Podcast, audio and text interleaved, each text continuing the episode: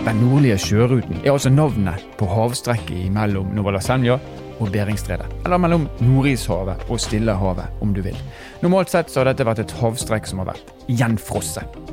Men i fjor så seilte altså et russisk tankskip gjennom den nordlige sjøruten uten hjelp av isbryter. For første gang i historien. Og da blir spørsmålet hva muligheter gir den nordlige sjøruten for Nord-Norge? Dette er Nord-Norge i verden. Mitt navn er Stein Vidar Loftaas.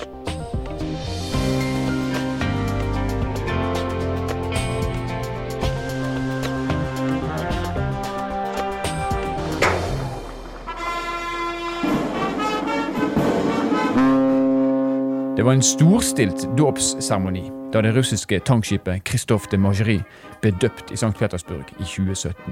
Selv presidenten, Vladimir Putin, deltok på seremonien, som var startskuddet for en ny æra i transport langs kysten nord for Russland. Я очень рад приветствовать всех вас на сегодняшнем торжественном мероприятии, на сегодняшней торжественной церемонии.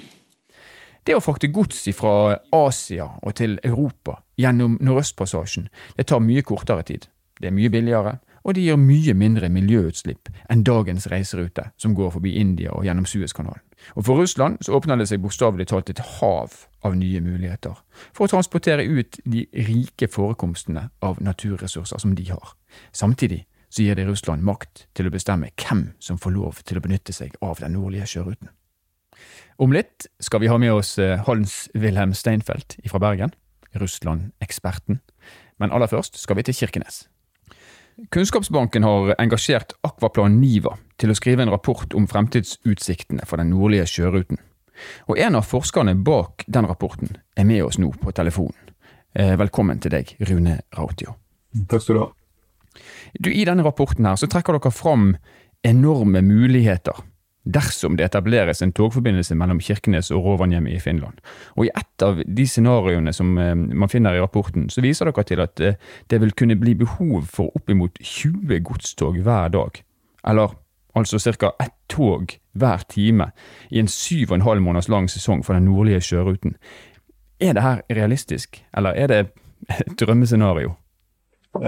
Det er, slik vi ser det, helt realistisk. For å kunne forklare det, så må jeg jo bare gå litt opp i perspektiv. Og perspektivet er jo at en jernbane mellom Rovaniemi og Kirkenes knytta til en omlastingshavn i Kirkenes som kobles opp mot primærtrafikk på den nordlige sjørute, er jo ikke et norsk eller et finsk prosjekt. Det finnes ikke noe grunnlag for et sånt prosjekt i det næringslivet du har i den regionen, isolert sett.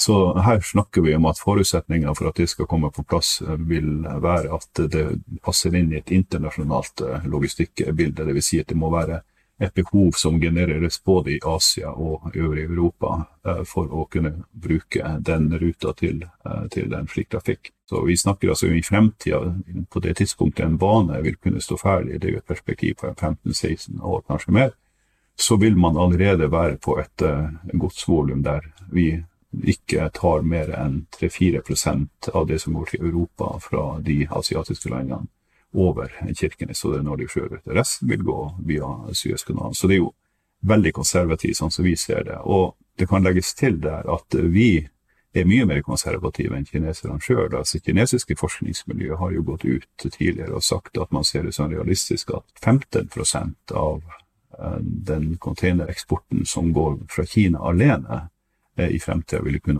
gå over en nordlig sjørute. Vi har ikke vært i nærheten av å være så optimistiske, så vi mener at vi står på veldig trygg grunn. Og da, Bare for, for at lytterne skal forstå hva vi snakker om, hva er det som fraktes da i disse containerne? Det er nesten uh, alt mulig som uh, man finner i butikkene i dag av kinesisk gods. Det er jo hvitevarer, det er matvarer, det er, det er stykkgods gjennomgående som er mer praktisk å, å, ha i containere enn å ha liggende sånn som i gamle dager, løs på paller om bord i båter. Så det er ganske enkelt en effektiv måte å, å transportere det på. Akkurat. Men hvis vi ser på den nordlige sjøruten, altså den korter ned avstanden fra Kina da, eller fra Asia til, til Europa vesentlig, hvorfor, hvorfor, tror vi at, at disse skipene da skal stoppe i Kirkenes og, og laste om varene sine der? Hvorfor, hvorfor, vil ikke de bare fortsette nedover langs norskekysten og så skipe det helt frem til de landene som skal ha konteinerne sjøl? Altså Noen av skipene vil nok gjøre som du sier, de vil gå eh, forbi Kirkenes. og Det er ikke noe, noe sånn absolutt at all skipstrafikk må gå innom Kirkenes. Men når vi prater om eh, en linjetrafikk på container, og for så vidt også en, en skipstrafikk som skal gå mer enn en kort periode om sommeren, så prater vi om spesialbygde fartøy. Fordi at eh, Nordic sjørute er, den er grønn, til dels veldig grønt farvann, og det er veldig mye is der i perioder. Mm. Og Det betyr at en forutsetning for å kunne gå der, og få forsikringsselskapet ditt til å tillate at du går der, det er at du har et fartøy med tilstrekkelig isklasse, og har du eh, et isforsterka fartøy, det blir et eh, tungt fartøy med mye stål, det krever ekstra maskinkapasitet det kombinert med at det er grunt farvann, gjør at du ikke kan bygge veldig store fartøy. Mm. Så du får relativt små fartøy som er mye mer kostbare å, å, bygge enn et vanlig standardfartøy. Og det betyr også at det vil ikke være interessant for rederen eller den som opererer de her fartøyene, å seile dem over lengre distanse enn strengt tatt mulig. Du vil bygge så få som mulig, og du vil seile dem over kortest mulig avstand. Og Da er det helt naturlig at du, du bruker de fartøyene ved inngangen til uh, den nordlige sjørute i, i, Asia, og så uh, tar de fartøyene og losser sin last i en nærliggende havn når den er kommet ut av den nordlige sjørute, for videre forsendelse med tog eller gjerne større skip, og så vil da det her fartøyet, som vi kan kalle for et feederfartøy, snu og gå tilbake og gjenta de her operasjonene. Det er ganske enkelt eh, mye bedre økonomi. Eh, og så nevner du at eh, disse skipene de må, ha, de må være isforsterka, og i rapporten så ser man også at russerne bygger isbrytere som da på en måte holder råkene åpen. Ja. Eh, men samtidig så snakker man om at det blir mindre og mindre sjøis. Og isen tiner. Når ja. tror dere at det vil være mulig å gjennomføre helårsruter gjennom eh, dette her sjøområdet? Eh, det som man per i dag ser for seg ut fra de modellene man har for eh, klimaendringer og, og varmere Arktis, det er jo at nordlig sjørute kan være helt fri for sommeris i 2030. Det vil si at du i 2030 vil kunne seile gjennom hele sommersesongen. I dag er en seilingssesong på nordlig sjørute ca. fire måneder. Og vi kanskje snakker om fem-seks måneders seilingssesong i 2030 uten at du da trenger å ha isforsterking, og uten at du trenger å ha isbrytereskorte i, i beste fall. Men det vi har sett hittil når det gjelder klimaendringer, det er jo at modellene har jo hatt en tendens til å ryke. Altså det, ting skjer fortere enn det man har forventa. Mm. Så det kan godt hende at det, det skjer raskere. Og det som skjer uansett, da, i tillegg, om det blir 2030 eller om det blir eh, før 2030, det er jo også at um, du kommer til å få tynnere is uh, også om vinteren. Som gjør at til tross for at du vil ha behov for isbryter på den såkalte østlige delen av Nordligfjøret, det er der du har mest is, så vil du likevel kunne seile hele året. Ja. Vi har vært innom eh, containertransport, altså frakt av gods da, i det vesentlige fra Asia til Europa. Men denne eh, sjøruten den åpner jo også for nye muligheter, f.eks. For, for Norge. Og Hvis du ser på norsk olje- og gassvirksomhet, vil vi kunne ha noen fordeler av denne ruten? Det er helt klart, og det har man jo allerede sett og allerede utnytta. Altså, det har jo allerede gått eh, LNG fra Equinor sitt anlegg i Hammerfest til Asia over i Norge sjørute. En grunn til at det ikke har gått mye mer, er jo at eh, mye av markedet til Hammerfest LNG er lenger sør i Europa i dag. Men uh, den muligheten finnes der, så hvis man ønsker å, å selge og sende mer LNG fra Hammerfest til, uh, til Asia i fremtida, så er jo det helt naturlig å bruke Norge 7-rute når den er åpen. Så det er helt klart at når det gjelder gass, så er det allerede en realitet at man bruker Norge 7-rute når det gjelder olje, så eh, vil det også hele tida være avhengig av hvor man ønsker å, å, eksportere den oljen, men jeg ser helt klart for meg at Nordic sjørute vil bli brukt som eh, eksportåre fra, fra Norge til Asia, hvis man har kunder der. Ehm, en helt annen ting er jo den norske fiskeri- og sjømateksporten. og Der er det slik at i dag som, så eksporterer vi fersk laks da hovedsakelig mot Asia. Det går på fly. Mm. Ehm, men mye av den frosne fisken som går fra Norge og til Asia, den fraktes jo med skip og den lange ruten. Hva, hva vil det her bety? Hva vil denne nye eh, sjøruten da bety for eksporten av norsk frossen fisk til, til Asia? Det er helt klart at uh, den bør være interessant for norske, norske eksportører. Eh, dels ved å sende mindre laster på den nordlige sjørute som en del av et større fraktbilde, eller at man også kan samle opp frakt på en havneterminal, f.eks. i Kirkenes, til man har et tilstrekkelig stort volum, og så bruke den nordlige sjørute til eh, det. Jeg kan ikke se at eh, det skal at det ikke bør være interessant for norske eksportører, og spesielt da eksportører i, i Nord-Norge. For det er jo en vesentlig del av, av den eksporten som går til Asia, er jo en produksjon som foregår i Nord-Norge. Og så er det et spørsmål som vi, vi, ikke kan la stå ubesvart. og det er, altså I rapporten deres så snakker man om en ny toglinje fra Kirkenes til Rovaniemi. Eh, og I disse dager, når debatten om Nor Norgesbanen raser, så vet vi at investeringer i jernbaner det er fryktelig kostbart. Og Så skal man bygge en sånn jernbane og basere det på et fremtidig handelsmønster med en Putin som man man ikke alltid vet hvor man har. Er det en fare, sånn som du ser det, for at man gjør tunge investeringer, satser på denne eh, sjøruten her, og så kommer man kanskje til en eh, tilfeldig mandag der Putin sier nei? Dere får ikke lov til å passere gjennom her. Jeg tror personlig ikke det.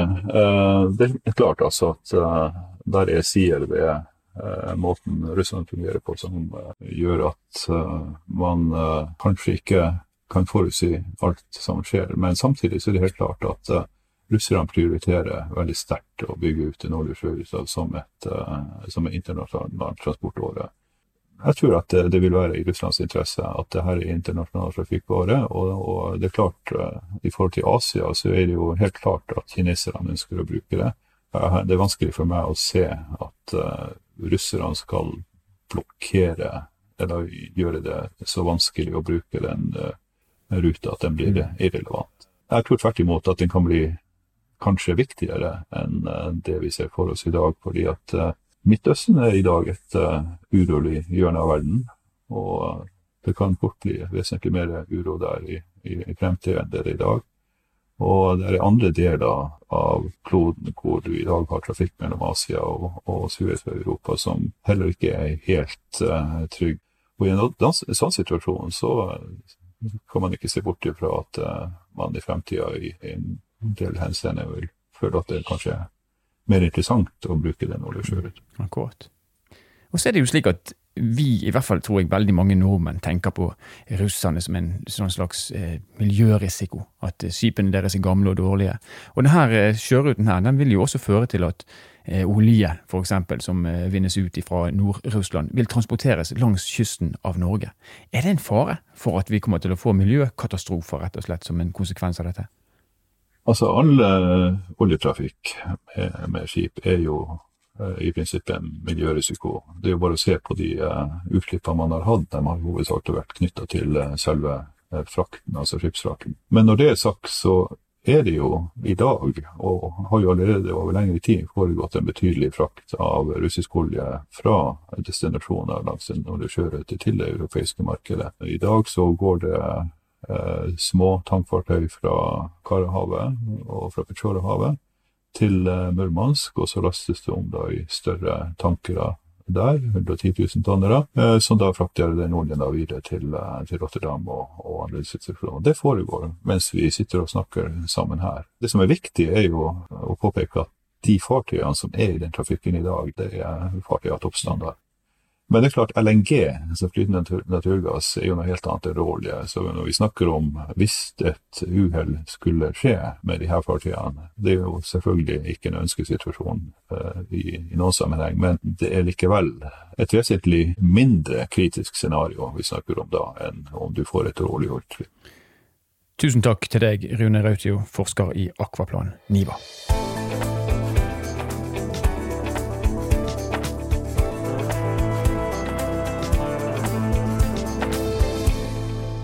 Når man lager en podkast om Russland, så er det nesten umulig å ikke koble på selveste Russland-eksperten Hans-Wilhelm Steinfeld. Og da, Det betyr at det kommer til å bli to bergensere en kort periode nå, men hold ut. Det blir bedre etter hvert. Hans-Wilhelm eh, Steinfeld, hvorfor er egentlig Nordøstpassasjen så viktig for Russland? Fordi det er eh, den lengste kystlinjen russerne har.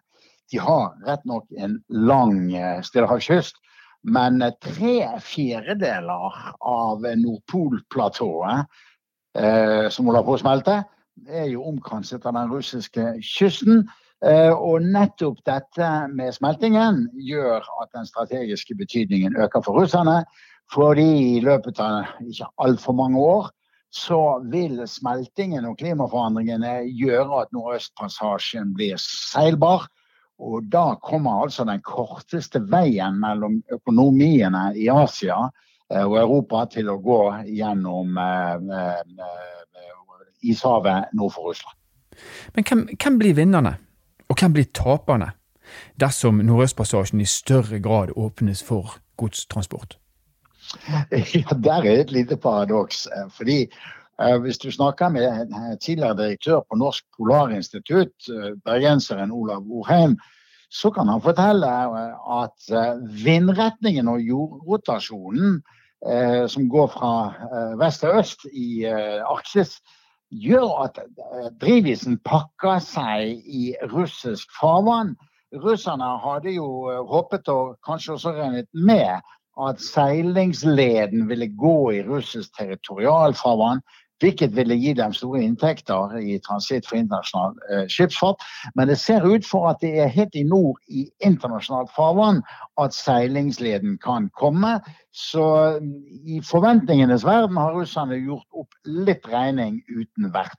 Men Arktis er strategisk, og nå har jo Kina kommet inn i Arktisk råd som observatør. Eh, og eh, det er klart at konkurransen om Arktis eh, og innflytelsen der gjør dette området strategisk viktig. Men Russland er jo en, en, gigant, og Norge er på sett og vis en mygg i forhold.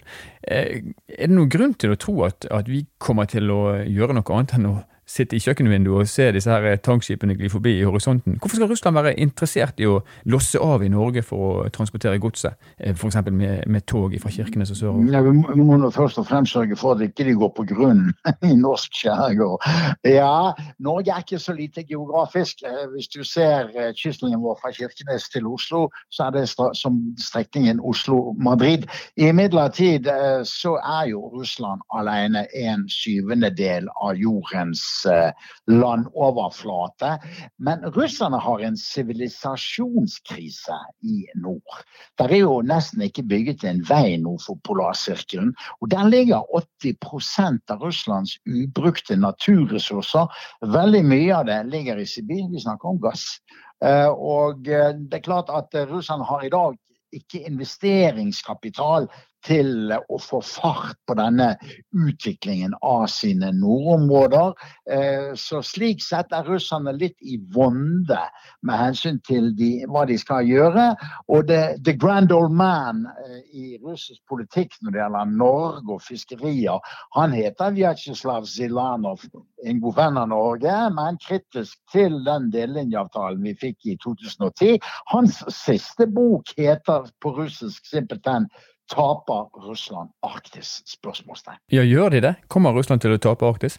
Nei, Det tror jeg ikke, og fremfor alt pga. geopolitikken. Men vi ser jo nå at både militært og eh, i eh, et sivilt økonomisk perspektiv, les utvinning av gass, så, eh, så er jo stormaktenes appetitt på nordområdene stor. Det er jo derfor også Kina har kommet seg med som observatør i Arktisk råd.